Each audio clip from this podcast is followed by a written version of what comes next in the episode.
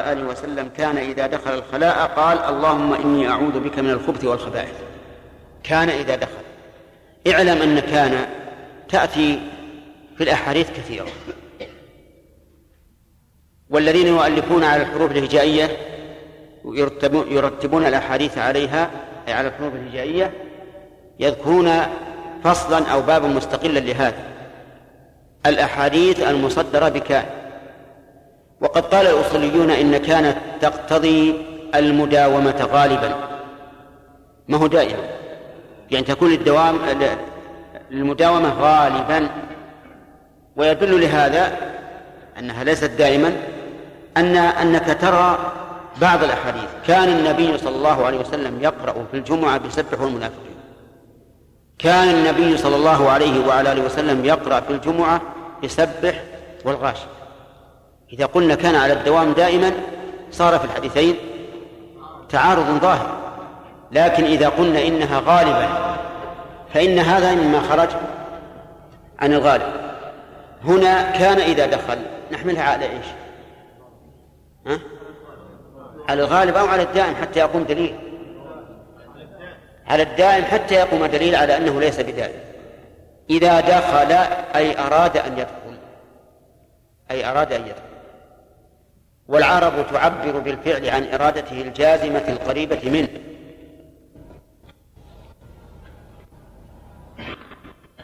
تعبر بالفعل عن إرادته الجازمة القريبة منه. انتبهوا لأمرين. جازمة بدون تردد قريبة منه. فمثلا أنا لا يصح أن أقول إذا دخلت المسجد آه نعم. لا يصح أن أقول أن أعبر عن إرادة دخول المسجد لصلاة الظهر بدخلت المسجد الآن. وذلك لبعد ما بينهما. كذلك لو كنت مترددا لا يمكن أن أعبر بالفعل عن إرادة المترددة. إذا لا يعبر بالفعل عن إرادته إلا إذا كانت جازمة قريبة منه. إذا دخل ونظيرها أي نظير التعبير بالفعل عن إرادته الجازمة القريبة قوله تعالى فإذا قرأت القرآن فاستعذ بالله من الشيطان الرجيم. إذا أردت أي إذا أردت أن تقرأ. قال اللهم إني أعوذ بك من الخبث والخبائث. اللهم أصلح يا أخي. الذي يمسح لحيته. ها؟ يا الله. أين ذهبت الآن؟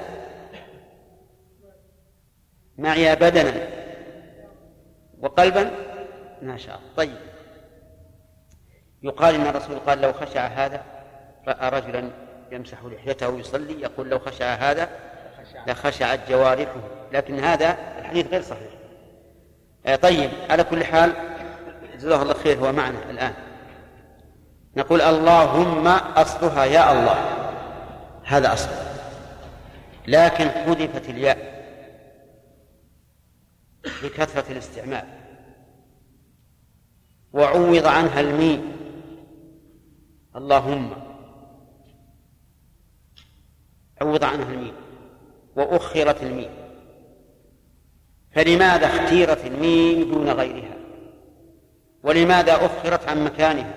هذان سؤالان.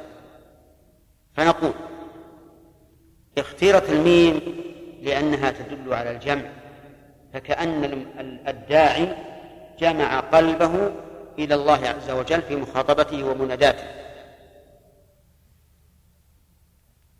ولذلك تجد الميم تخرج بضم الشفتين بعضهما إلى بعض. قم للجمع والضم. وأخرت عن مكان العوض تيمنا بالبداءة باسم الله عز وجل. انتبه. وهل يجوز أن أقول يا اللهم؟ نعم. لا يجوز أحيانا شذوذا. وإلا فلا يجمع بين العوض والمعول لكنها جاءت في القريض في النظم.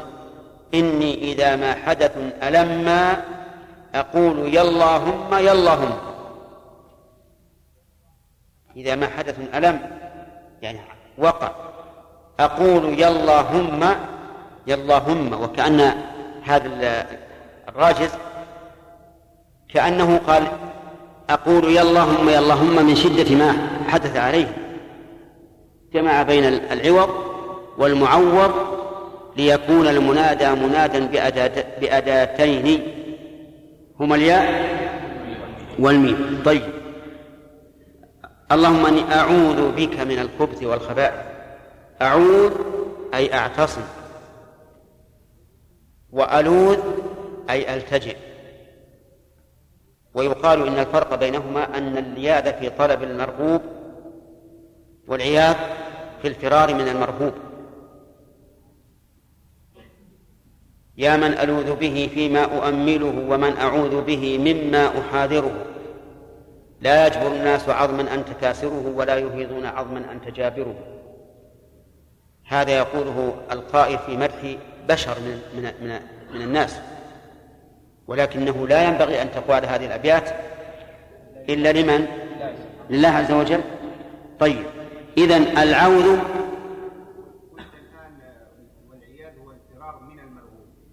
لا الفرار من المرهوب. من المرهوب.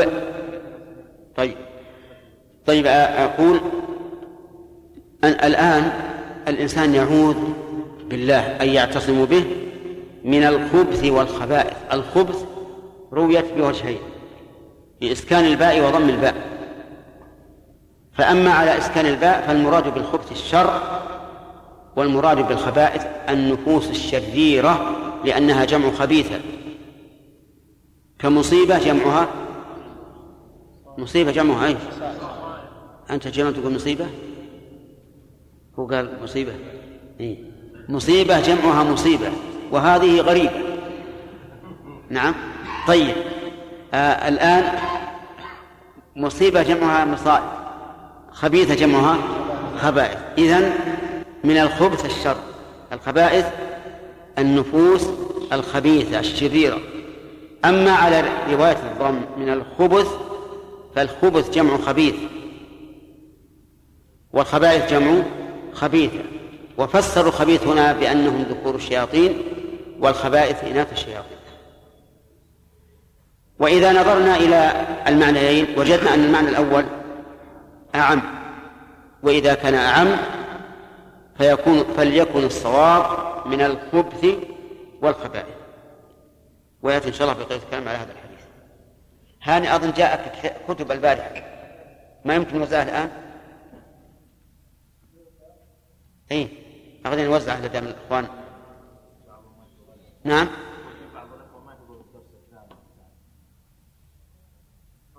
اي كأن عبد الله بن يقول خير بالدرس الأخير علشان يحضرون كل الجميع. نعم. جيب المفتاح وخير.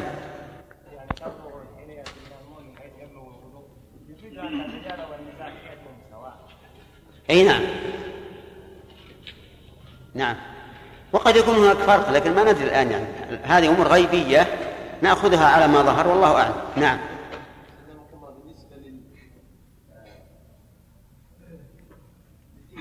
انتهينا. هل؟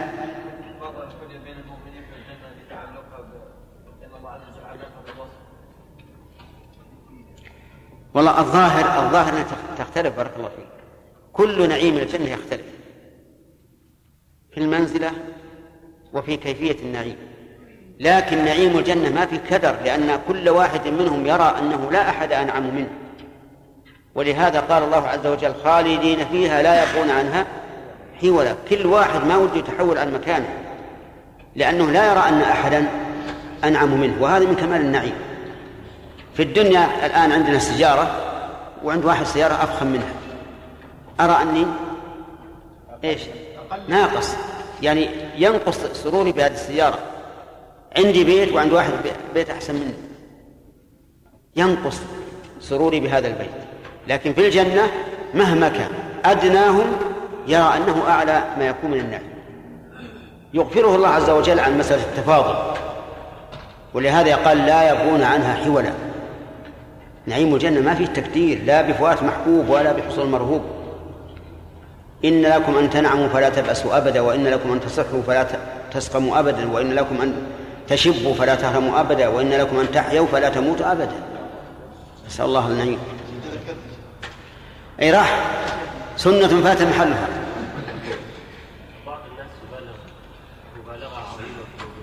نعم رأسه ورقبته الرأس نعم. نعم. إي نعم. أنكر عليهم ولا بد. لكن سؤالي الآن هذا الذي غسل وجهه حتى غسل نصف الرأس والرقبة هل نقول إن وضوءه صحيح أو غير صحيح؟ صحيح. طيب هل عليه أمر الرسول و... اذا من عمل عملا ليس عليه أمرنا؟ فهو رد. والظاهر أننا في هذه الحال نضطر إلى مذهب أبي حنيفة. حيث قال إذا باع صاعا بصاعين بطل في الزائد نعم. وهنا نقول يبطل الزائد هذا الظاهر. هذا الظاهر. ولو قيل يفصل بين من زاد هل هو يرى أن الزيادة عبادة أو يراها احتياطا للوضوء؟ إن كان الأول فهي مردودة لأنه تعبد الله بما لم يشرعه وإن كان الثاني فهو لا يريد زيادة التعبد لكن عنده وسواس فيريد أن يحتاط. فتكون فيكون الوضوء صحيحا. هذا التفصيل في فيما أرى أنه أدق من القول بالصحة مطلقا أو بالرد مطلقا. ما معنى قول الفقهاء هذا فعل آه، غير مشروع؟ يعني هل يتعبد الإنسان بفعل غير مشروع كالرجل الذي كان يعني يختم صلاته نعم. فعل غير مشروع. يتعبد الإنسان بهذه نعم. إذا قالوا غير مشروع يعني أنه بدعة. لكن إذا كان إذا أجازه الشرع إذا أجازه الشرع لم يكن بدعة.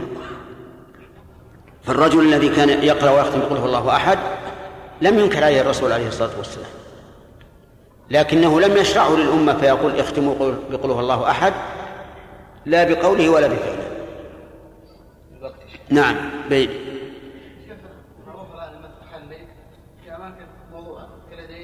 في أماكن؟ نعم. نعم. نخبرك إن شاء الله هناك. إن شاء الله تعالى. فيها ما تشتهيه الأنفس وتلذ الأعين.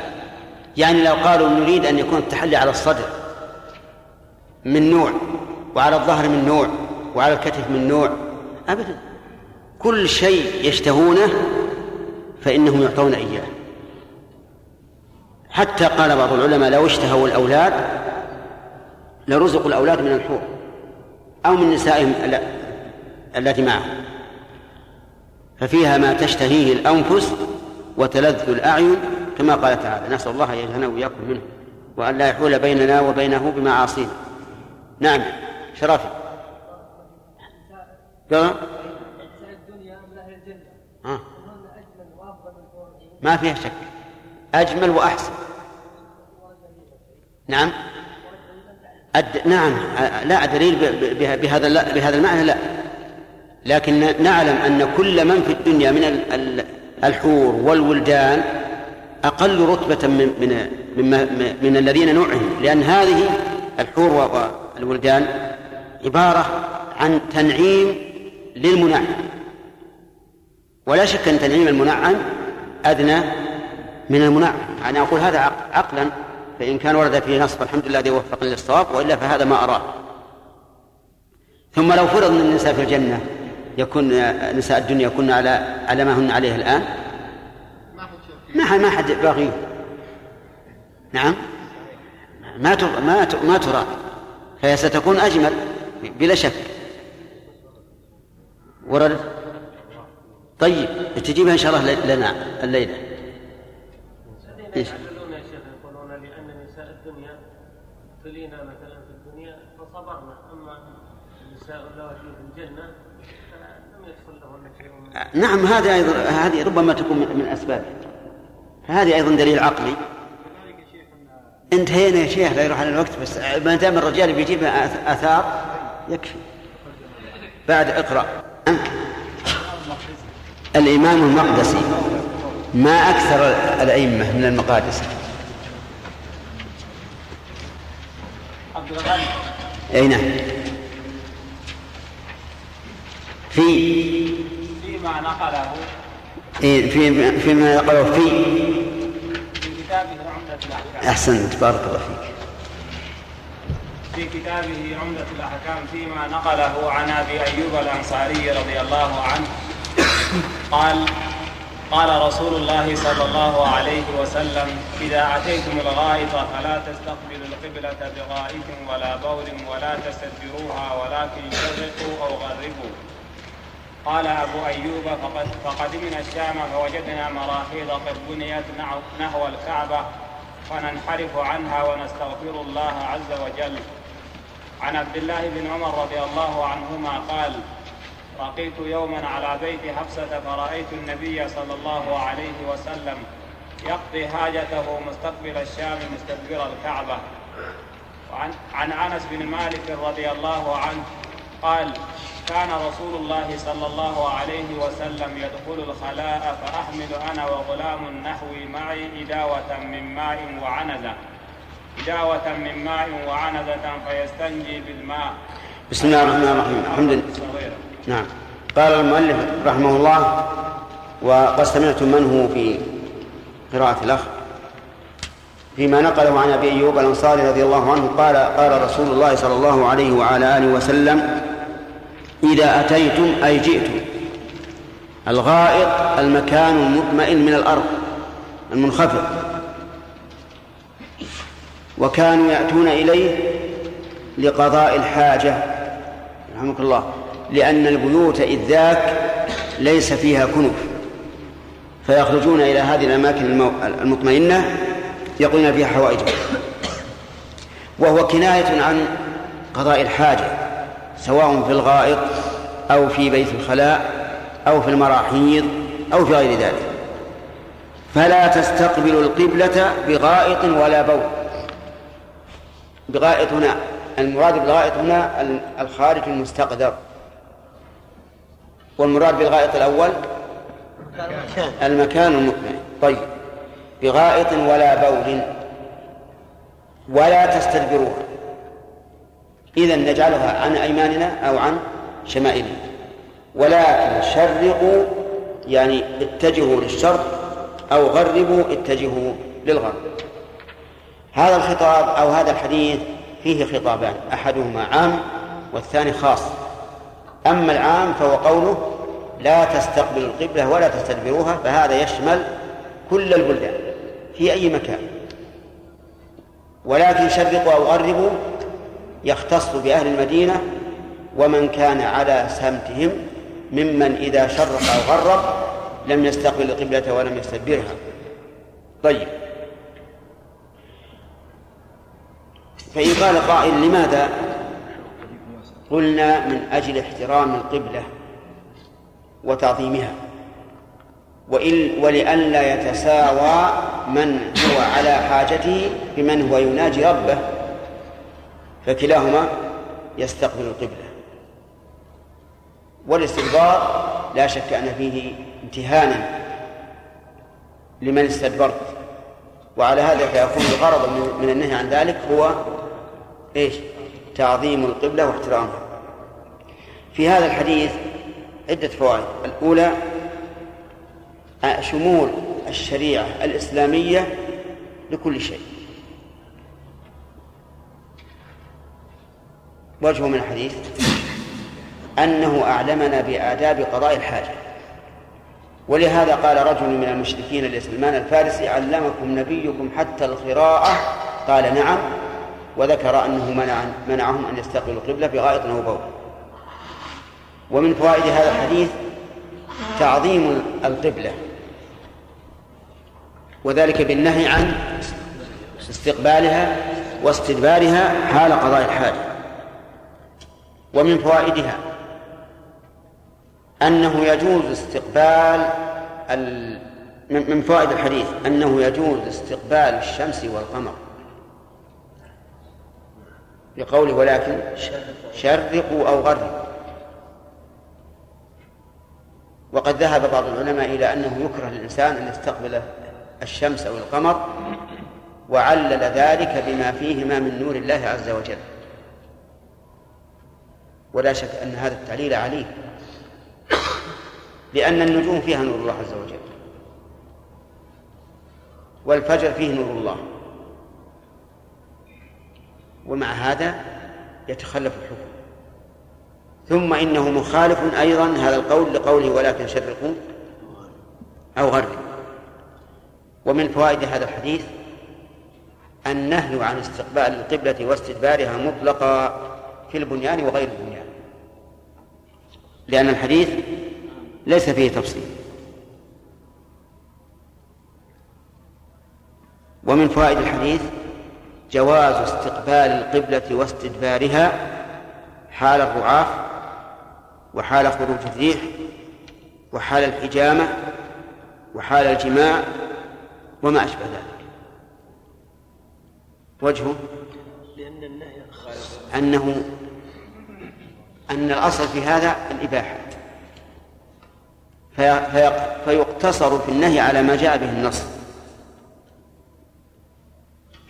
ومن فوائد الحديث أن خطاب الشرع ينقسم إلى قسمين عام وخاص.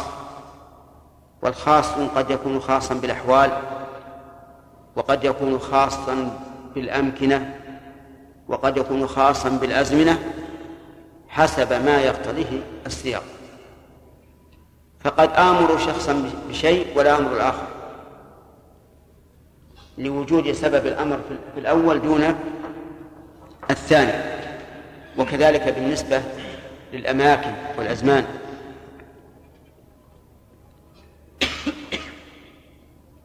قال أبو أيوب رحمه الله رضي الله عنه ورحمه أيضا قدمنا الشام فقدمنا الشام فوجدنا مراحيض قد بنيت نحو الكعبة. لأن أهل الشام كانوا نصارى. لا يتجهون لا لا يتجهون في صلواتهم إلى الكعبة فبنوا مراحيضهم متجهة إلى الكعبة. قال فننحرف عنها. يعني نميل عنها ونستغفر الله. نطلبه المغفرة. لماذا يستغفر الله؟ قيل إنه يستغفر لمن بناها على هذا الوجه. وهذا ضعيف. لأنه لو أراد استغفارا لغير نفسه لقيده. وقيل لأنه ينحرف والانحراف ليس اتجاها تاما أو ليس مخالفة تامة فخاف رضي الله عنه أن يكون مقصرا في هذا الانحراف فقال نستغفر الله. فيكون في هذا فائدة وهي أن الإنسان إذا رأى من نفسه أنه فعل فعلا مقصرا فيه فليستغفر الله عز وجل ليغفر له هذا التقصير. نعم. طيب ثم أعقب المؤلف رحمه الله حديث أبي أيوب بحديث عبد الله بن عمر رضي الله عنهما قال رقيت يوما على بيت حفصة. رقيت الفعل منه إيش؟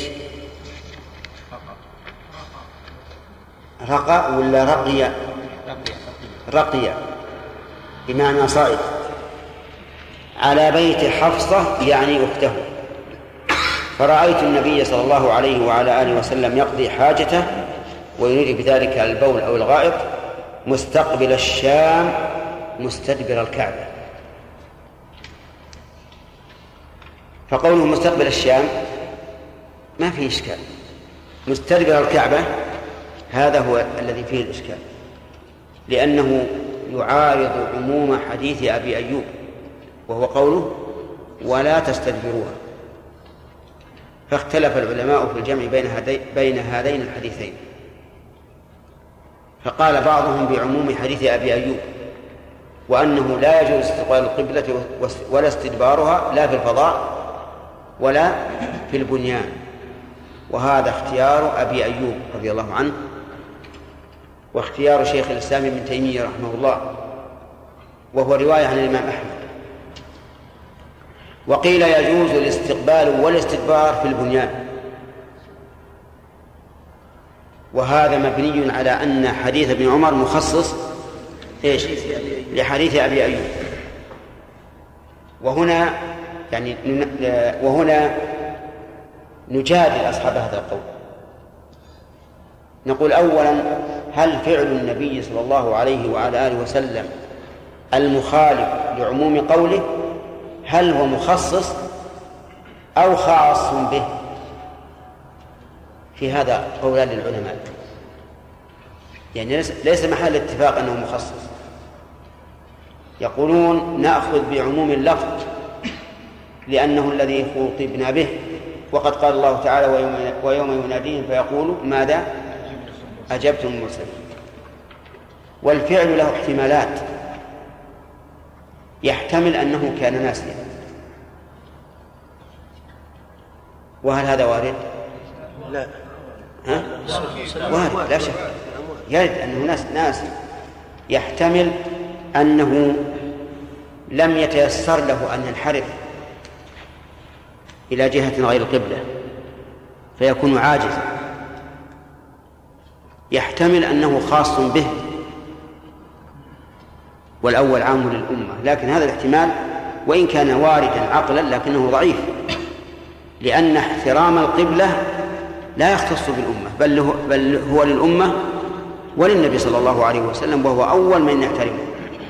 لكن احتمال الخصوصية أو احتمال أن يكون ناسيا أو احتمال أن يكون عاجلا وارد. لهذا ذهب بعض العلماء إلى ما ذكرنا إلى التحريم مطلقا. ثم نقول ذكرتم أنه يجوز استقبال القبلة واستدبارها واحتججتم بحديث ابن عمر. وهنا استدللتم بالأخص على العم على الأعم. وهذا لا يجوز. لأنه يجب أن يكون الدليل أعم من المدلول. وهنا الدليل أخص لأن لأن الذي ورد فيه هو الاستدبار وأما الاستقبال فلا. ومعلوم أن الاستدبار أهون في الاحتقار من من الاستقبال. والاستقبال أقبح. ومن ثم قال بعض العلماء إنه يجوز استدبار القبلة في البنيان ولا يجوز استقبالها. ولا يجوز استقبالها وهذا القول أصح. فأصح الأقوال في هذه المسألة أنه يجوز في البنيان استدبار الكعبة دون استقبالها. طيب. إذا قال قائل إذا وجدنا مراحيض بنيت نحو الكعبة كما قال أبو أيوب قلنا الواجب تغييره الواجب أن تغير كما يوجد في بعض الحمامات. وإنما قلت إن الواجب أن يغير لأن الإنسان ربما هو بنفسه يستطيع أن يتخلص من استقبال القبلة بالانحراف عنها. لكن غيره من أهل البيت وغيره ممن يرث البيت من بعده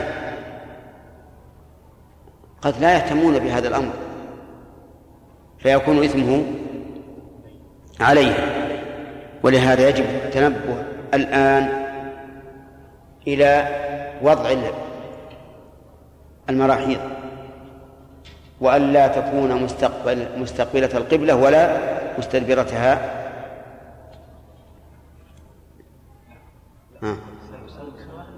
لا على القول الصحيح لا بأس أن تكون مستدبرتها لكن لا تكون مستقبلتها. من فوائد حديث عبد الله بن عمر بن عمر, بن عمر رضي الله عنه وعن أبيه جواز تبسط الإنسان في بيت قريبه. لقوله لقيت يوما على بيت حفصة. ومن فوائدها أن بيوت أزواج النبي صلى الله عليه وعلى آله وسلم ملك لهن. الدليل يا عبد الله. أنه أضاف البيت إلى حفصة. وهذا هو الأقرب أن النبي صلى الله عليه وسلم ملك زوجاته بيوتهن. ويدل لهذا أن بيت عائشة رضي الله عنها كان لها ملكا. وقد استأذن عمر لما طعن أن يدفن في بيته. ومن فوائد حديث بن عمر رضي الله عنهما جواز مشاهدة القاعد على حاجته. لكن بشرط أن لا يرى إيش؟ أن لا يرى عورته. ومن فوائد الحديث أن من كان في المدينة فإنه إذا استقبل القبلة استدبر الشام. والعكس بالعكس. هذا من كان في المدينة. لأن المدينة بين الشام وبين وبين مكة. أما من كان إلى جهة أخرى فلا. ومن فوائد هذا الحديث الاستدلال بفعل الرسول صلى الله عليه وسلم لأن فعله من سنته فهو كقوله.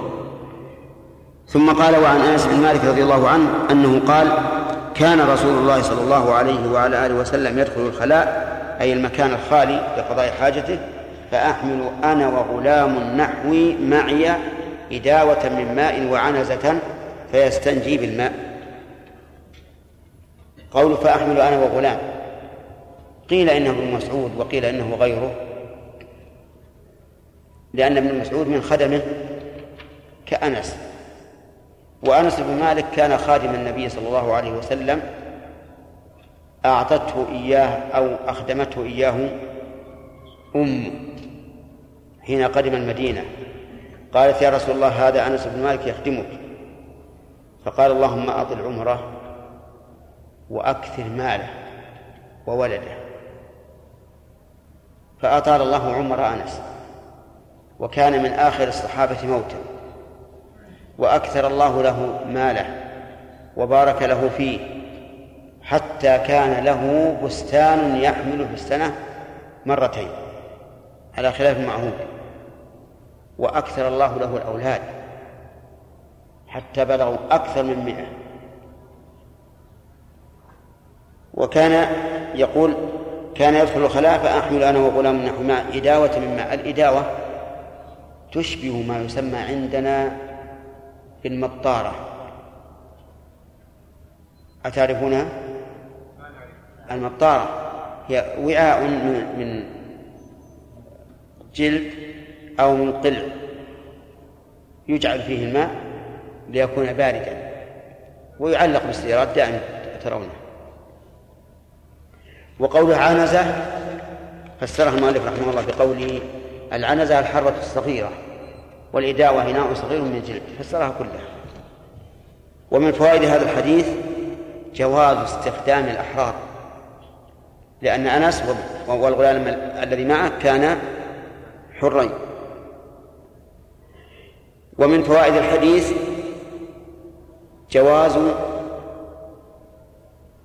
الاستنجاء بالماء دون التراب لقوله فيستنجي بالماء ولم يذكر أنه استنجى قبله بالتراب. قال العلماء وأكمل ما يكون أن يجمع بين التراب والماء.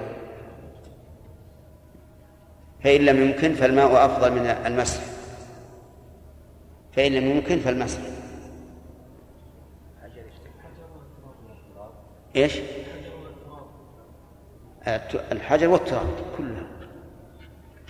أحيانا يكون بالحجر وأحيانا يكون بالتراب. مثل إذا كنت في أرض رملية فهذا تراب.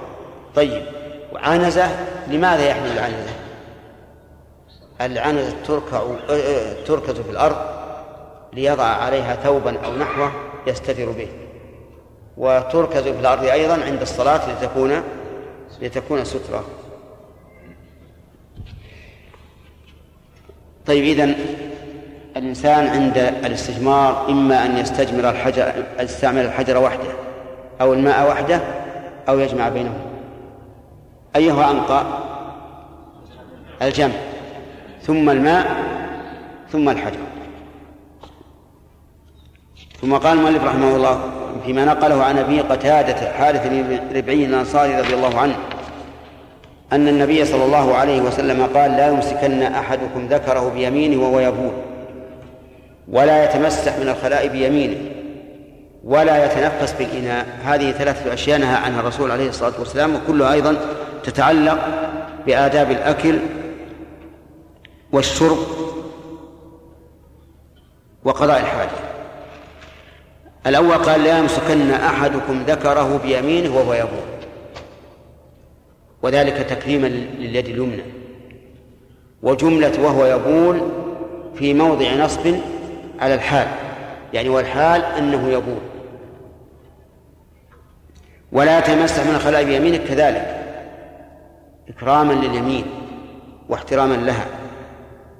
ولا يتنفس بالإناء أيضا إبعادا عن القدر والأذى لأن الإنسان إذا تنفس في الإناء فربما يخرج منه أشياء ضارة تعلق بهذا الإناء وبالشراب الذي فيه فتقدره على الناس.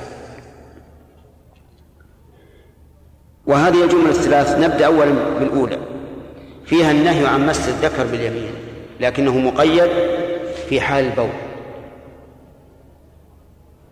فهل هذا التقييد له مفهوم أو لا؟ قيل له مفهوم. وأن النهي عن مس الذكر باليمين إنما يكون حال البول. طيب. فإذا نهي عنه حال البول فهل نقول في غير حال البول من باب أولى؟ لأنه في البول قد يحتاج إليه أي إلى مسكه فإذا نهي عن مسكه في حال البول ففي غير حال البول من باب أولى. وقد يقال بالعكس لأنه إذا أمسك ذكره باليمين وهو يبول لا يأمن من رشاش البول على اليد اليمنى فتتقدر به. وبناء على هذا يجوز أن يمس ذكره بيمينه إذا كان إذا كان إيش؟ إذا كان لا بد. طيب.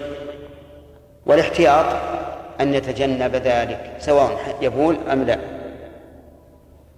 ومن فوائد هذا الحديث تفضيل اليمين على الشمال. لقوله لا يمسن أحدكم ذكره بيمينه ويقول فإنه يدل على جواز مسه بالشمال. وهذا يدل على تكريم اليد اليمنى وهو كذلك. ولهذا لا يؤكل إلا بها ولا يشرب إلا بها ولا يؤخذ إلا بها ولا يعطى إلا بها. ومن خالف ومن خالف فأكل بالشمال أو شرب بالشمال أو أعطى بالشمال أو أخذ بالشمال فقد خالف هدي النبي صلى الله عليه وعلى آله وسلم. طيب ومن فوائد الحديث النهي عن التمسح من الخلاء باليمين. وهو ظاهر. ويستفاد منه من فوائد الحديث جواز التمسح من الخلاء باليسار من أين تؤخذ؟ من قوله بيمينه. فإن قال قائل التمسح بالحجر ونحوه واضح لكن الاستنجاء أليس الاستنجاء يلزم منه تلوث اليد بالقاذورات؟ قلنا بلى لكن المراد بمس القاذورات في هذا الحال إزالته فاعتبرت الغايات دون المبادئ ومن فوائد هذا الحديث النهي عن التنفس في الإناء لقوله ولا يتنفس في الإناء لأن ذلك يضره ويقدره على غيره. فإن قال قائل وهل النفخ في الإناء كالتنفس فيه؟ قد نقول إنه أشد وقد نقول لا. قد نقول إنه أشد لأن النفخ يستوجب أن يخرج من من الإنسان أكثر مما يخرج بالتنفس فيكون أولى. ويحتمل أن النهي أن النهي عن التنفس لئلا يشرق الإنسان فتصيبه الشرقة فيتأذى. وبناء على ذلك يكون النفخ غير مكروه. لكن الفقهاء رحمهم الله كرهوا النفخ في الطعام. قالوا ولو كان حارا فإنه لا لا لا لا نعم ولو كان فإنه لا ينفخ. طيب إذا كان حارا وأنا مستعجل ماذا أعمل؟ نعم نقول إن كان مائعا جاريا فأمره سهل يصب في إناء آخر ويردد ويبرد أو يكون إناء واسعا فيرجه حتى يبرد وإن كان الأمر بالعكس كما لو كان طعاما متراكبا فإنه إيش؟ وش يسوي؟ شغل شغل المروحة ولا كان في مراوح العادية. يفعل نعم. إي نعم. طيب. انتهى الوقت أظن. استأجر بيتا فوجد فيه الحاضر إلى غير إلى اتجاه القبله نعم. في هذه الحالة ما الذي يفعله؟ في هذه الحال يقول لصاحب البيت غير. إذا رفض يأتي بكرسي يتجه فيه إلى غير القبلة.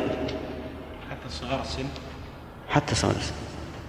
صغار السن أمرهم سهل لأن الغالب من صغار السن لهم مكان يعني. يعني من دون البلوغ أي نعم ولو كان. نعم. نعم. بالضبط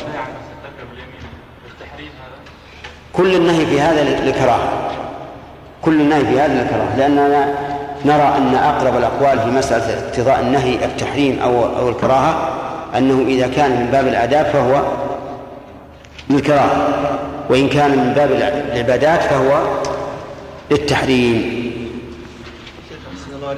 ما أصح الأقوال في فعل النبي عليه الصلاة والسلام هل يخصص قوله أم لا؟ نعم الصحيح أنه يخصص قوله لأن فعله سنة وقوله سنة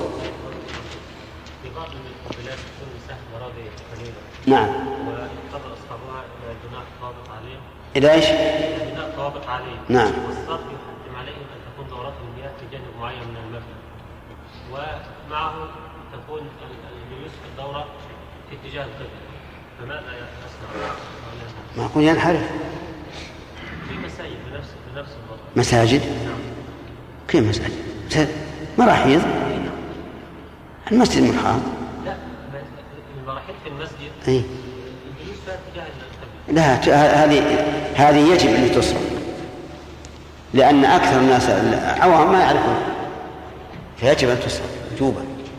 ويقال لصاحب لصاحب المسجد أتمم إحسانك واتق الله. شيخ في حديث رواه أبو داود. نعم. عن حديث جابر رضي الله عنه. قال نعم. النبي صلى الله عليه وسلم قبل أن يموت بسنة. يقول مستقبل القبله نعم. يعني هذا يشكل على ما يعني رجحناه. لماذا؟ الحديث صححه بعض العلماء نعم خلوا صح خلوا صحيح. لكن هل فيه دليل على أنه متأخر عن النهي؟ لا ما في دليل. إذا ما ما ما. لأن قبل يموت بسنة.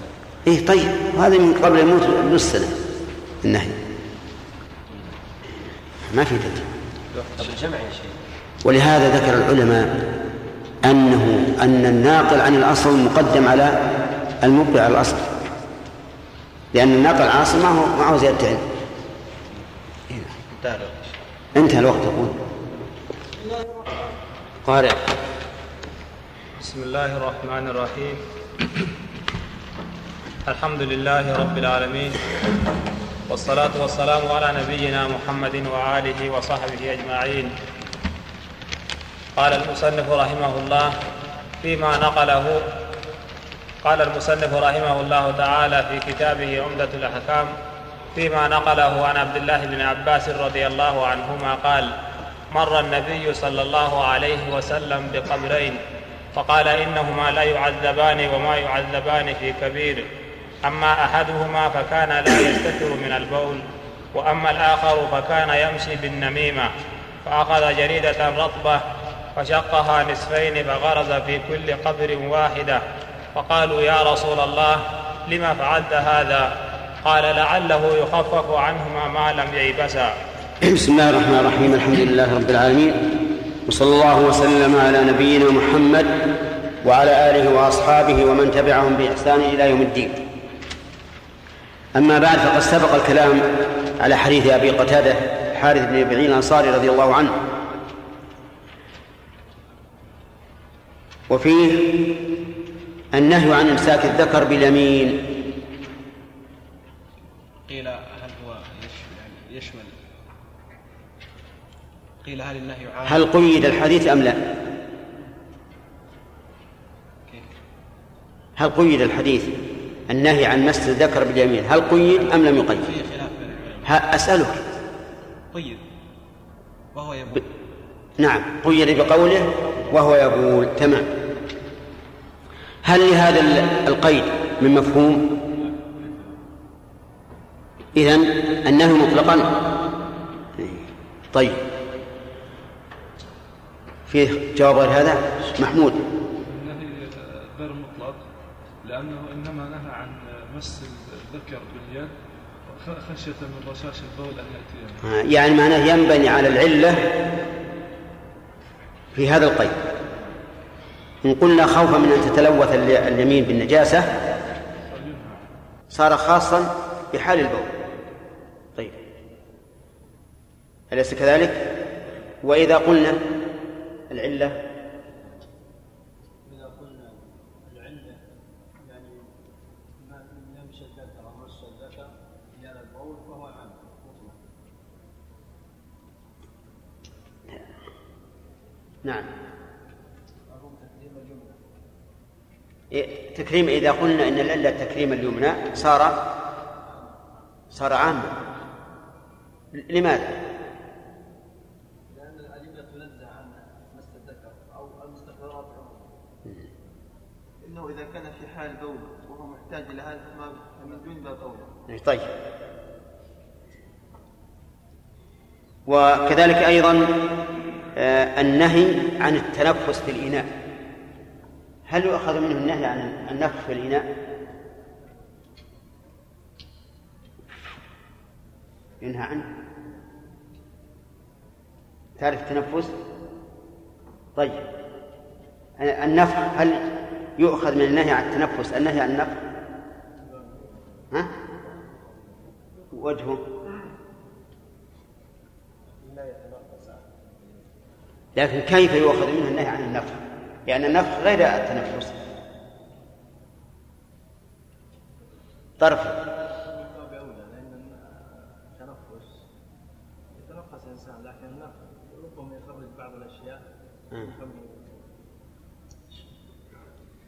وقيل لا يؤخذ منه. وقيل لا يؤخذ التنفس غير النفخ التنفس قد يكون لمضرة للإنسان حين يشرب أحسنت. فيدخل الماء من مخرج الهواء. فيشرب. تمام. نبدأ بالدرس الجديد الآن. قال عن عبد الله بن عباس رضي الله عنهما قال مر النبي صلى الله عليه وعلى آله وسلم بقبرين. بقبرين القبر مدفن الميت. القبر مدفن الميت. قد يدفن فيه وقد لا يدفن يعني قد يكون مهيئا لأن يدفن فيه ولا ولم يدفن فيه أحد. والمراد به هنا ما دفن فيه أحد بقوله لقوله إنهما لا يعذبان. إنهما لا يعذبان. وقوله إنهما أي أي القبران. والمراد أصحابهما. هذا المراد. فإذا قال قائل وهل في ذلك تجوز؟ بالقبر عن صاحبه؟ قلنا لا. لأنه ما دامت وجدت قرينة تعين المراد فلا تجوز. وهذا هو محط الخلاف بين من قال إن في اللغة العربية مجازا ومن قال لا. فمن قال إن في اللغة مجازا اعتبر اللفظة أو اعتبر الكلمة التي جرى فيها المجاز على أنها كلمة منفردة. ومن قال لا مجاز اعتبر الجملة.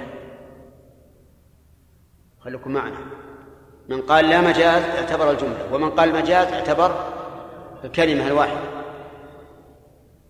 الذي يقول لا مجاز إذا اعتبر الجملة يقول محال أن يكون المراد بقوله إنهما لا يعذبان نفس الحفرة. محال.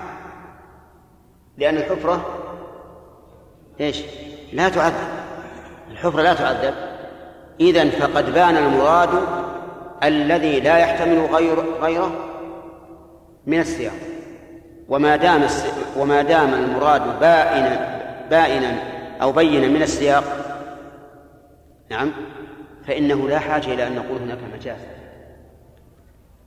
وهذا الذي اختاره شيخ الإسلام ابن تيمية رحمه الله وتلميذه ابن القيم وأطنبا في تأييده وتفنيد ما سواه واختاره محمد الشنقيطي صاحب أضواء البيان في رسالة صغيرة سماها منع المجاز في القرآن لكنه خصه بالقرآن.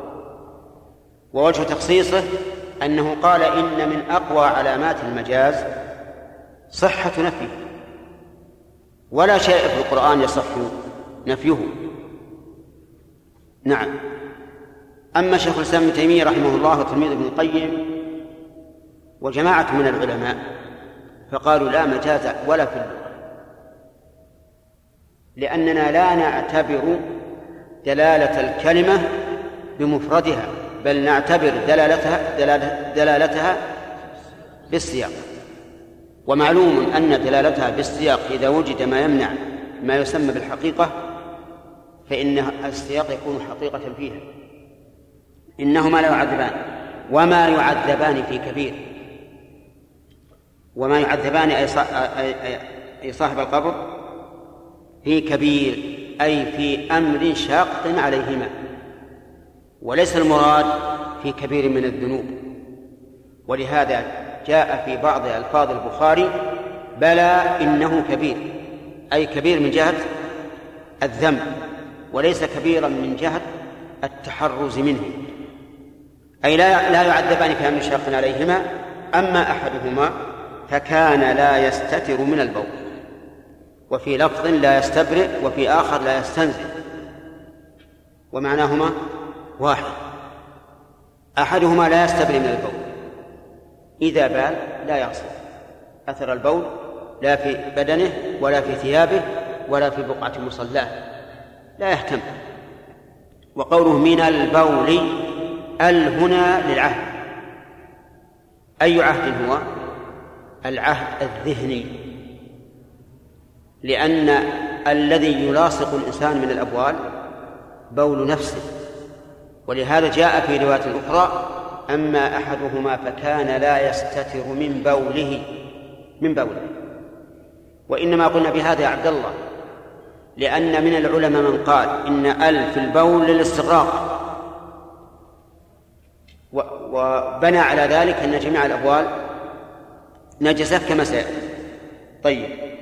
وأما الآخر فكان يمشي بالنميمة. يمشي بالنميمة أي بنم الحديث إلى الغير. لأن النميمة فعيلة بمعنى مفعولة. يعني بالكلمة المنمومة أي المنقولة. فما هي النميمة؟ هل كل نقل يسمى نميمة؟ لا.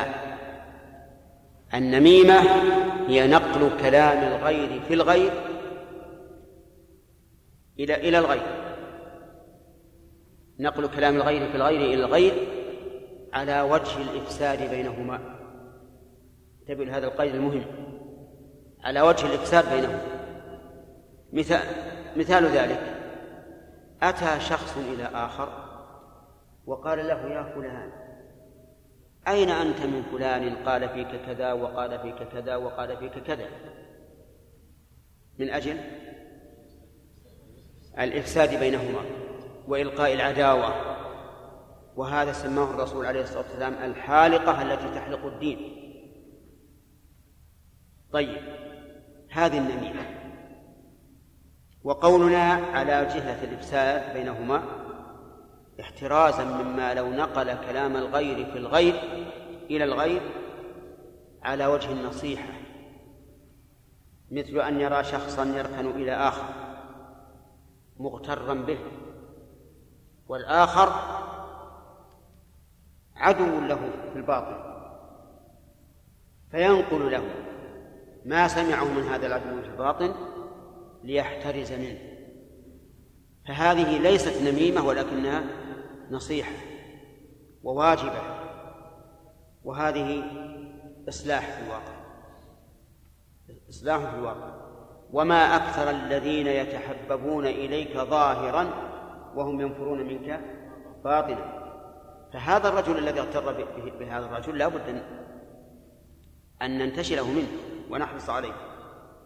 يقول ثم فأخذ جريدة الرطبة أخذها النبي عليه الصلاة والسلام دعا في بعض الألفاظ دعا بجريدة رطبة والجريدة هي عسيب النخل والرطب ضد اليابس فشقها نصفين ولم يقل قطعها شقها كذا على طولها نصفين ثم غرز فغرز في كل قبر واحدة. غرز يعني إيش؟ ركز. في كل قبر واحد.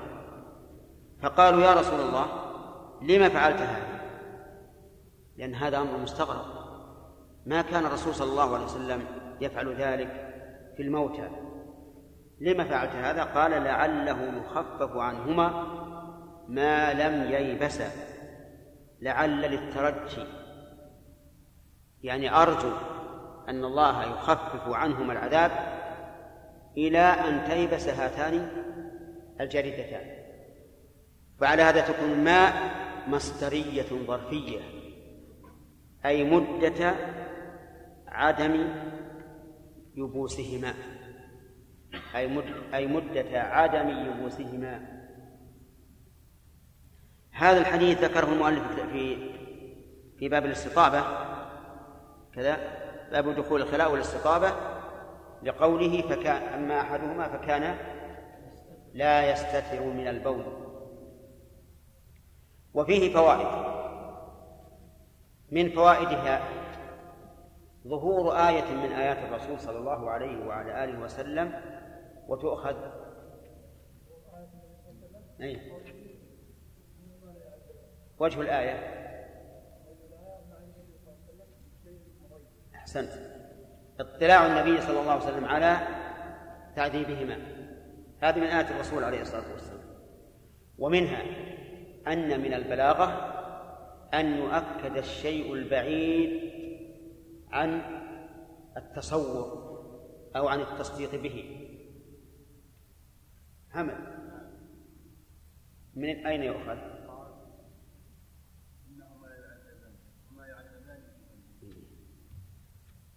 كمل الحديث؟ لا لا. طيب. أصبر. نعم. نعم. إنهما لا يعذبان. الجملة هذه مؤكدة بمؤكدين وهي إن واللام. لأن المسألة أمر غيبي يحتاج إلى توكيد. يحتاج إلى توكيد. فإن قال قائل إن الصحابة رضي الله عنهم سيؤمنون بما قال الرسول بدون تأكيد. نعم. فالجواب أن هذا من باب طمأنينة النفس. وها هو إبراهيم عليه الصلاة والسلام يؤمن بأن الله يحيي الموتى. ولكن ليطمئن قلبه. طيب. وهكذا ينبغي لك في مخاطبة الغير إذا خاطبته بما لا يحتمله عقله أو بما يستبعده فهمه أن تؤكد له الأمر حسب قوة إنكاره وبعده. ومن فوائد هذا هذا الحديث إثبات عذاب القبر. إثبات عذاب القبر. لقوله عن القبرين إنهما لا يعذبان. وعذاب القبر ثابت بالقرآن والسنة والحس بالقرآن والسنة والحس القرآن مر بنا قريبا في آل فرعون. النار يعرضون عليها غدوا وعشيا ويوم تقوم الساعة. أدخلوا آل فرعون أشد العذاب. وكذا قوله تعالى ولو ترى إذ الظالمون في غمرات الموت والملائكة باسطوا أيديهم أخرجوا أنفسكم اليوم تجزون عذاب الهون اليوم تجزون عذاب الهون وأل هنا للعهد؟ أي عهد الحضوري اليوم يعني اليوم الحاضر. تجزون عذاب الهون إذن ففي القرآن إثبات عذاب القبر. في السنة قال النبي عليه الصلاة والسلام إذا تشهد أحدكم فليستعذ بالله من أربع يقول أعوذ بالله من عذاب جهنم ومن عذاب القبر ومن فتنة المحيا والممات ومن فتنة المسيح الدجال. وهذا الدعاء يدعو به كل مسلم. ولهذا من نقل الإجماع على ثبوت عذاب القبر فنقله إيش؟ صحيح. كل مسلم يدعو يدعو بهذا وأما الحس الحس فإنه قد يكشف لبعض الناس عن عذاب القبر. واسأل الذين يكونون ليلا عند المقابر تسمع عنهم ما يعجب. أحيانا يسمعون صياحا عظيما وأفزاعا وأهوالا مما يدل على ثبوت عذاب القبر. وارجع إلى كتاب الروح لابن القيم تجد العجب العجب. طيب. ومن فوائد هذه هذا الحديث أن الإنسان قد يبتلى بأمر هين عظيم. هين عظيم. منين تؤخذ يا عبد الله؟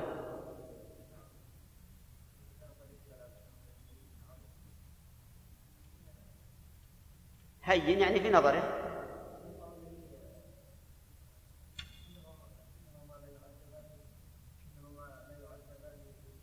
ترى عبد الله إذا صرح ما تهض عنزه الا ثلاثة وين؟ أين؟ هو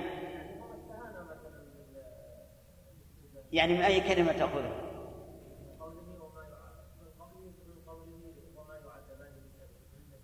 صحيح؟ أين طيب. لأن المعنى ليس بشاق عليه.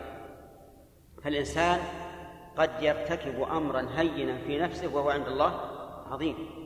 كما قال تعالى في في الإفك وتحسبونه هينا وهو عند الله عظيم. طيب. ومن فوائد هذا هذا الحديث وجوب التنزه من البول.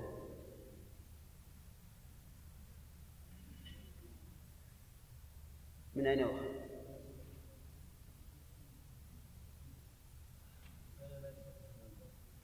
من قوله أما أحدهما فكان يعني إذن من تعذيب من لم من لم يتنزه من البول. طيب. ومن فوائد هذا الحديث أن عدم التنزه من البول كبيرة. صح. لأنه توعد عليه بعقاب خاص. وكل ذنب توعد عليه بعقاب خاص فهو من كبائر الذنوب. ومن فوائد هذه هذا الحديث أن البول نجس.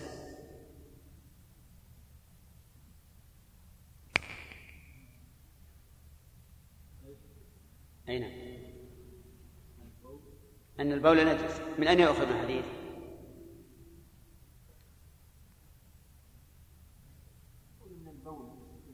لا.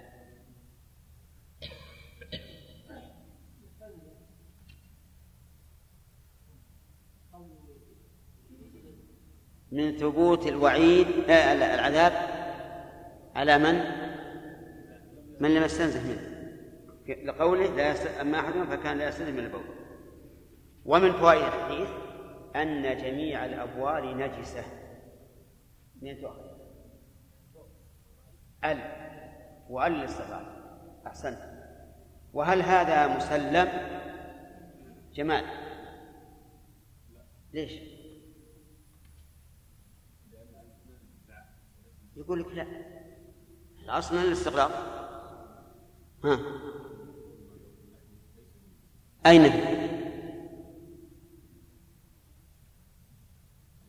أي. تقول ورد في السنة. مسألة ما هي هينة. نسبتك الشيء إلى السنة وأنت لا تدري؟ مصيبة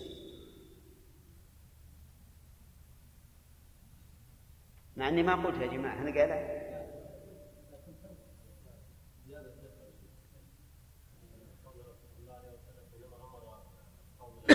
ما قلت اللي ما جئت به لا لا تدون به لأن مجيء الإنسان بشيء من جعبته القديمة وينسى الشيء الحديث؟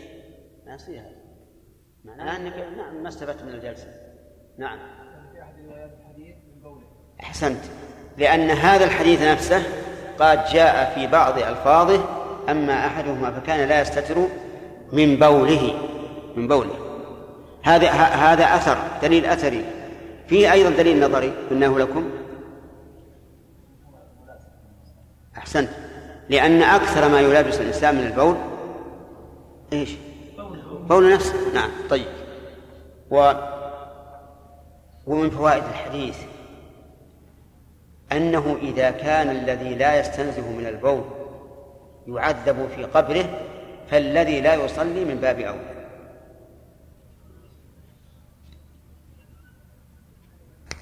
بيت. نعم.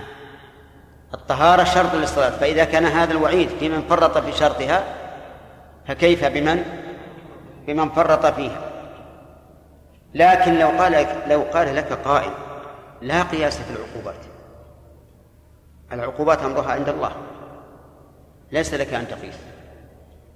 قلنا إن ثبت القياس فهذا المطلوب.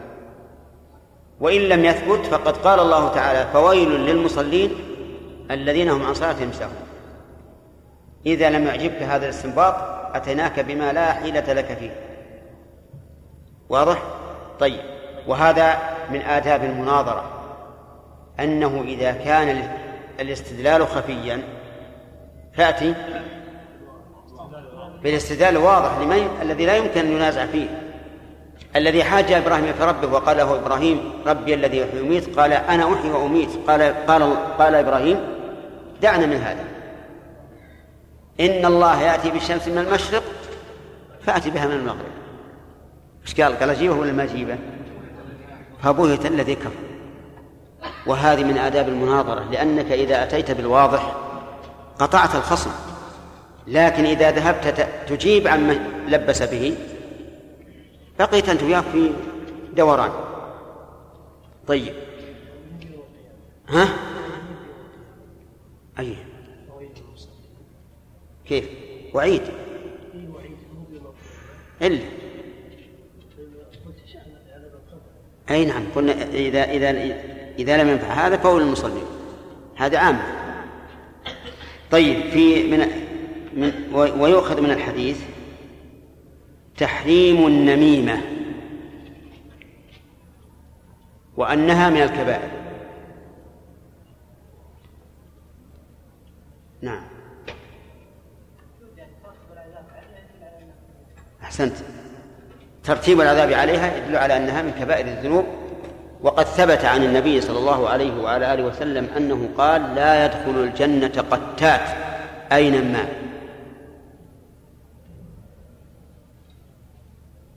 عرفتم؟ طيب إذا كان يأثم على النميمة التي فيها الإفساد بين الناس والتفريق بينهم فضد ذلك الإصلاح يؤجر عليه يؤجر عليه فإذا قال لك قائل إيش هذا قياس؟ قلنا هذا يسمى قياس العكس يسمى قياس العكس وقد استعمله النبي صلى الله عليه وسلم في الحديث. فقال وفي بضع أحدكم صدقة. قالوا يا رسول الله أيأتي احدنا شهوته ويكون له فيها أجر؟ قال نعم.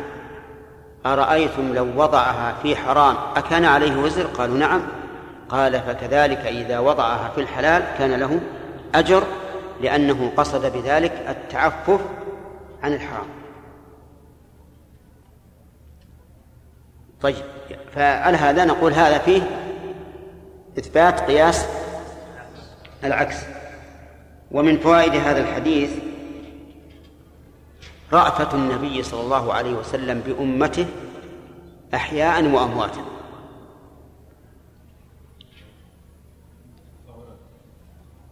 من أنه فعل ما يخفف ما يخفف به العذاب عن هؤلاء. غرز في كل قبر شق الجريدة طيب. ومن فوائد هذا الحديث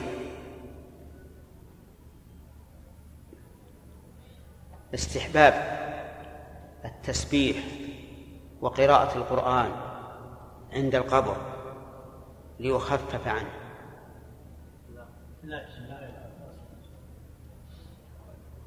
آتي بالدليل. آتي بوجه الاستدلال. قالوا إن الجريدة تسبح ما دامت خضراء فإذا يبست انقطع التسبيح.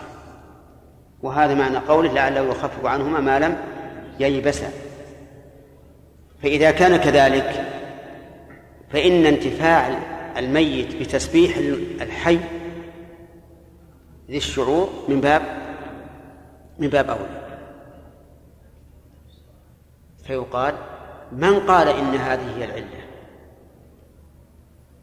من قال إن الرسول عليه الصلاة والسلام قال ما لم ييبس لأنهما إذا كان رطبين إذا كانتا رطبتين تسبحان. من قال هذا؟ بل نقول إن الرسول صلى الله عليه وسلم أراد أن يخفف عنهما هذه المدة فقط. وفي ذلك الوقت ما فيه ساعات تحدد المسألة بالساعات. فحددها بيبوس هذه الجريدة. فإن قال قائل يرد على هذا أنه ما الفائدة من كون الرسول صلى الله عليه وسلم يقيد التخفيف بهذه المدة؟ لماذا لم يجعل التخفيف عاما؟ قلنا إن التخفيف ولو مدة يسيرة ينفع. وقال الذين في النار لخزنة جهنم ادعوا ربكم وخفف عنا يوما من العذاب. فالتخفيف نافع ولو كان يسيرا. ومن فوائد هذا الحديث أنه يستحب أن نوضع على القبر جريدة رطبة أو غصن شجرة رطب رطبا أو ما أشبه ذلك. ليش؟ نقول لا نقول هذا مسلم لو كان الرسول صلى الله عليه وسلم يفعله كلما دفن أحدا. وإذا كان لم يفعله فهو خاص بهذين القبرين اللذين اطلع على تعذيبهما. وليس عاما. ونقول إنك إذا فعلت ذلك فقد أسأت الظن بالميت. وهذه جناية عليه. لأن الرسول صلى الله عليه وسلم لم يضعها على القبر إلا لتخفيف العذاب عنه. فإذا هو يعذب فيخفف عنه العذاب بذلك. وأنت الآن وضعت على أحب الناس إليك أبو أبيك أو ابنك أو أخيك وضعت عليه ما تشهد به على أنه يعذب. وهذه لا شك أنها غلط. غلط عظيم. إذا لا يؤخذ من هذا الحديث. ومن فوائد هذا الحديث حرص الصحابة رضي الله عنهم على العلم ومعرفة أسرار الشريعة وحكمها. تؤخذ حين قالوا لما سألت لما فعلت هذا؟ لما فعلت هذا؟ لأجل يعرف الحكمة لأنه ما من شيء من من أحكام الشريعة إلا وله حكمة. ومن فوائد هذا الحديث حسن خلق الرسول صلى الله عليه وعلى آله وسلم. حيث لم ينهرهم ولم يقل هذا شيء لا علاقة لكم به بل قال لعله يخفف عنهم عنهما ما لم يلبسا. وهكذا ينبغي للإنسان أن يكون واسع البطان واسع الصدر ونسأل الله أن يعيننا على ذلك لأننا أحيانا يكون صدرنا أضيق من الحلقوم لكن استعن بالله واحرص وتحمل واصبر حتى يأخذ الناس عنك العلم بطمأنينة وانشراح وقبول. وهذا هو السر في قوله تعالى وأما السائل فلا تنهر فإنه يعم سائل المال وسائل العلم. لا تنهر. كذا يا عبد الله. يعم يعم إيش؟ نعم. طيب.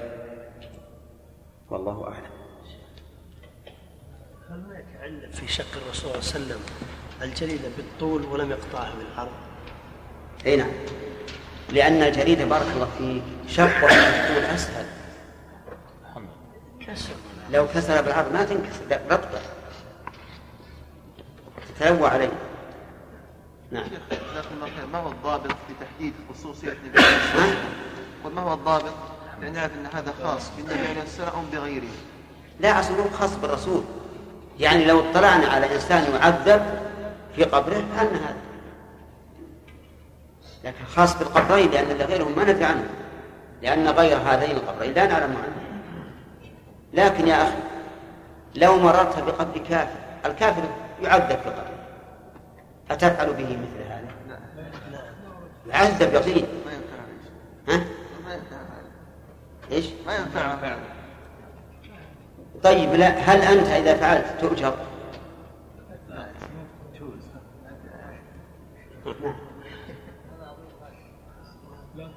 يلا. لا يا شيخ ما هل تأثم؟ أي نعم. تأثم. نعم. ما الدليل؟ لأنه فعل شيء يخالف السنة. ما فعل النبي. لا. الكافر شيخ يعذب للنار ما كان النبي والذين آمنوا لقوله تعالى ما كان النبي والذين آمنوا يستغفروا للمشركين يعني فلا يفعل شيئا يخفه عنه. اي نعم. نعم يا شيخ تبين أن هذا النصاح هذا يعذب يعني لا قد يكون أو سماع هل لنا ان نفعل؟ لا. لأن الرؤيا أحيانا يضربها الشيطان مثلا ليحزن الذين آمنوا. أي. السماع ها؟ السماع السماع أيضا ربما يسمعك الشيطان ما- تكره ما ما في حقيقة يقين. ألم تسمع ما يقال عن الغول؟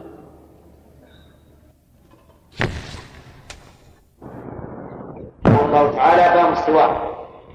السواك يطلق على الفعل وهو التسوق ويطلق على عود الأراء الذي يتسوق به.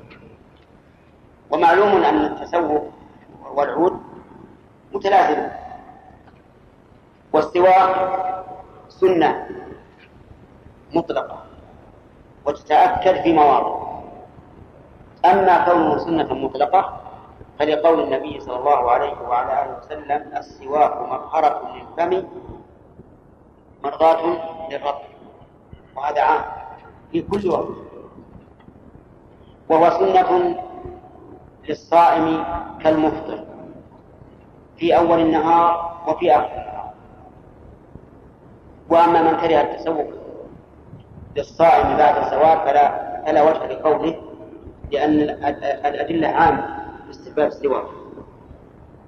وللسواك فوائد كثيرة ذكرها الفقهاء وغيرهم. ولو لم يكن منه إلا هاتان الفائدتان المذكورتان في الحديث لكان كافيا. وهما طهارة الفم ورضا الرب. أما ما يتأكد السواك فيه ففي مواضع. الموضع الأول عند الصلاة. لقول أبي هريرة رضي الله عنه عن النبي صلى الله عليه وسلم لولا أن أشق على أمتي لأمرتهم بالسواك عند كل صلاة. لولا أن أشق لأمرت. لولا هذه حرف امتناع لوجود. فامتنع الأمر لوجود المشقة. ولهذا تسمى حرف امتناع لوجود. ويقابلها لو. فإنها حرف إيش؟ حرف امتناع لامتناع. ويقابلها لما حرف وجود لوجود. فلما حرف وجود لوجود. ولو حرف امتناع لامتناع ولولا حرف امتناع لوجود. تقول لما جاء زيد جاء عمرو. هذه حرف إيش؟ وجود لوجود. لو جاء زيد لجاء عمرو. اثنان امتنان لولا زيد لجاء عمرو. اثنان لوجود. طيب. وقول لولا أن أشق أشق بمعنى أتعب. على أمتي المراد بذلك أمة الإجابة. لأن أمة الدعوة لا تتسوق. ولم تدخل في الإسلام أصلا حتى يطلب منها أن تتسوق. لأمرتهم أي أمر إيجاب. وإلا فإن أمر الاستحباب قائم. عند كل صلاة يشمل الصلاة المفروضة والنافلة والصلاة ذات الركوع والسجود والصلاة ذات التكبير المجرد كصلاة الجنازة. فالحديث عام. فيستفاد من هذا الحديث تأكد السواك عند الصلاة. ولكن هذه العندية هل تعني أن ذلك عند الوضوء؟ لأن الإنسان يتوضأ ثم يصلي. ولأن التسوك على الوضوء أبلغ في التطهير لأنه يتمضمض ويطهر الفم أكثر. أو أن المراد عند الصلاة وإن وإن استاك عند الوضوء. أيهما الأظهر في الدلالة؟ الثاني. أنه يسن التسوق عند الصلاة وإن كان قد تسوق عند قد تسوق عند الوضوء. اللهم إلا أن يكون الوضوء قريبا جدا فقد يقال إنه يكتفى بالتسوق عند الوضوء. فهذا الحديث كما ترون يدل على تأكد التسوق عند الصلاة عند كل صلاة. وقول عند كل صلاة هل يشمل الجنس أو يشمل الوحدة. بمعنى لو كان الإنسان يريد أن يتنفل ويصلي ركعتين ثم ركعتين ثم ركعتين ثم ركعتين هل يتسوق عند كل ركعتين؟ أو يكفي التسوق الأول؟ الظاهر الثاني. الظاهر الثاني. إلا إذا فصل بينهما بفاصل طويل فيعيد التسوق. في هذا الحديث فوائد. أولا تأكد التسوق عند الصلاة. وجه الدلالة أنه لولا مشقة لأوجبه الرسول عليه الصلاة والسلام على أمته. ومن فوائده من فوائد هذا الحديث أن هذه الشريعة الإسلامية ليس فيها مشقة. كلها مبنية على التيسير وهذا فرد من أفراده أي عدم إلزام الناس بالتسوق صار عند كل صلاة فرد من أفراد هذه القاعدة العظيمة وهي أن الدين الإسلامي مبني على التيسير. آه ومن فوائد الحديث شفقة النبي صلى الله عليه وعلى آله وسلم على أمته. وهذا ثابت بمقتضى القرآن الكريم. لقد جاءكم رسول من أنفسكم عزيز عليه ما عنتم. يعني يشق عليه ما يشق عليكم. حريص عليكم بالمؤمنين رؤوف رحيم ومن فوائد هذا الحديث أن الأصل في الأمر الوجوب. الأصل في الأمر الوجوب. بقوله لأمرتهم. وهذا يدل على أنه لو أمرهم لكان واجبا. ومن فوائد هذا الحديث تأكد السواك عند الصلاة. لقوله لأمرتهم لأمرتهم بالسواك عند كل صلاة أي بالتسوق. وهو شامل كما قلنا في الشرح للفريضة والنافلة وذات الركوع وذات التكبير المجرد. ومن فوائد هذا الحديث العناية بالصلاة وأنه ينبغي للإنسان أن يدخل الصلاة وهو طاهر. مطهر بقوله عند كل صلاة. إذا السواك متأكد عند كل صلاة. هذا هو الشاهد من هذا الحديث. قال وعن حذيفة بن الإمام رضي الله عنه قال كان النبي صلى الله عليه كان رسول الله صلى الله عليه وعلى آله وسلم إذا قام من الليل يشوش فاه بالسواك. إذا قام من الليل أي من نوم الليل يشوش يعني يدرك مع الغسل الشوص هو الدرك بالغسل. وفاه يشمل الفم كله. الأسنان واللثة واللسان. عرفتم؟ الأسنان. وهي أكثر أكثر أجزاء الفم آه، إمساكا للأوساخ. والثاني اللثة وهي منبت الأسنان. والثالثة الثالث اللسان. ومعنى يشوش قلت لكم يتركه بغصب. فيستفاد من هذا الحديث استحباب هذا الفعل إذا قام من الليل. يعني من نوم الليل. فإن قام من نوم النهار فهل له هذا الحكم؟ لأن العلة واحدة أو ليس له هذا الحكم؟ لاختلاف نوم الليل والنهار عمقا وكثرة الظاهر أن الجواب بالأول. لا سيما إذا طال زمن نوم الليل نوم النهار. فإن الفم سيتغير والعلة واحدة. وقد يقال لا قياس لوجود الفارق وهو طول نوم الليل وعمقه. وإذا كان الأصل والفرع يختلفان فيما تقتضيه العلة فإنه إيش؟ لا قياس. طيب. ومن فوائد هذا الحديث عناية النبي صلى الله عليه وعلى آله وسلم بطهارة فمه حيث كان يشوص فاه بالسواك أي يدلكه بغصب ويترتب على هذا أن العناية بالفم وتطهيره من السنة لأن هذا فعل النبي صلى الله عليه وعلى آله وسلم. فإن قال قائل لو أراد الإنسان أن يشوص فاه بالفرشة والفرجون المعجون فهل هذا من السنة أو من التعمق في الدين نعم. من السنة.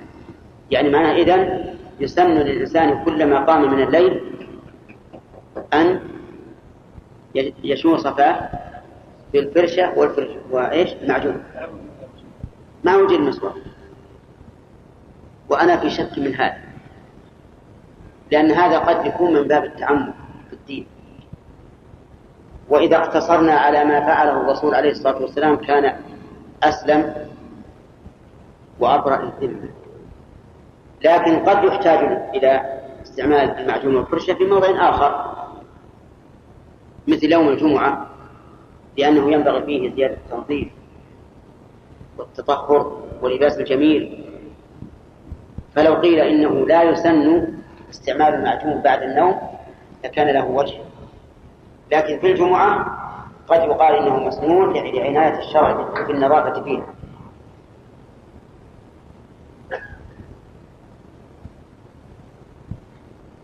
وعن عائشة رضي الله عنها قالت دخل عبد الرحمن بن أبي بكر الصديق أو الصديقي في نعت لأبي لأبي بكر أو لابن دخل عبد الرحمن بن أبي بكر الصديق. على النبي صلى الله عليه وعلى آله وسلم وأنا مسندته إلى صدر. ومع عبد الرحمن سواك رطب يستن به. عبد الرحمن بن أبي بكر لا يخفى أنه أخو عائشة رضي الله عنها وأنه يدخل على بيت أخته ولا ولا إشكال في ذلك.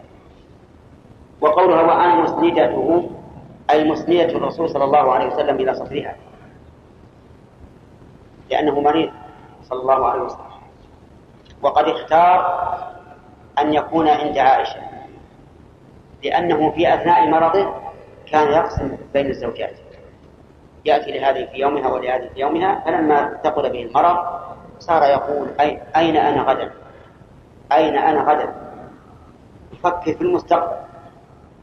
فعرف زوجاته رضي الله عنهن أنه يحب أن يكون عند عائشة. فأذن له في ذلك. فصار عند عائشة. ثم إنه من الموافقات أنه مات في, اليوم الذي يصادف يومها وأنه مات في حجرها وأن أحدث شيء طعمه في الدنيا هو ريقها رضي الله عنها هذه المرأة الصديقة بنت الصديق هي التي قام الرافضة بسبها ولعنها قاتلها لأنه لأنه غار منها. ومن محبة الرسول صلى الله عليه وسلم لها. فكانوا يكرهون ما يحبه الرسول. ويلعنون ما يدعو له الرسول عليه الصلاة والسلام. فيقول ومع عبد الرحمن سواق رطب يستن به. رطب يحتمل أن يكون جديدا ويحتمل أن يكون مندى لأن رطوبة السواق إما أن تكون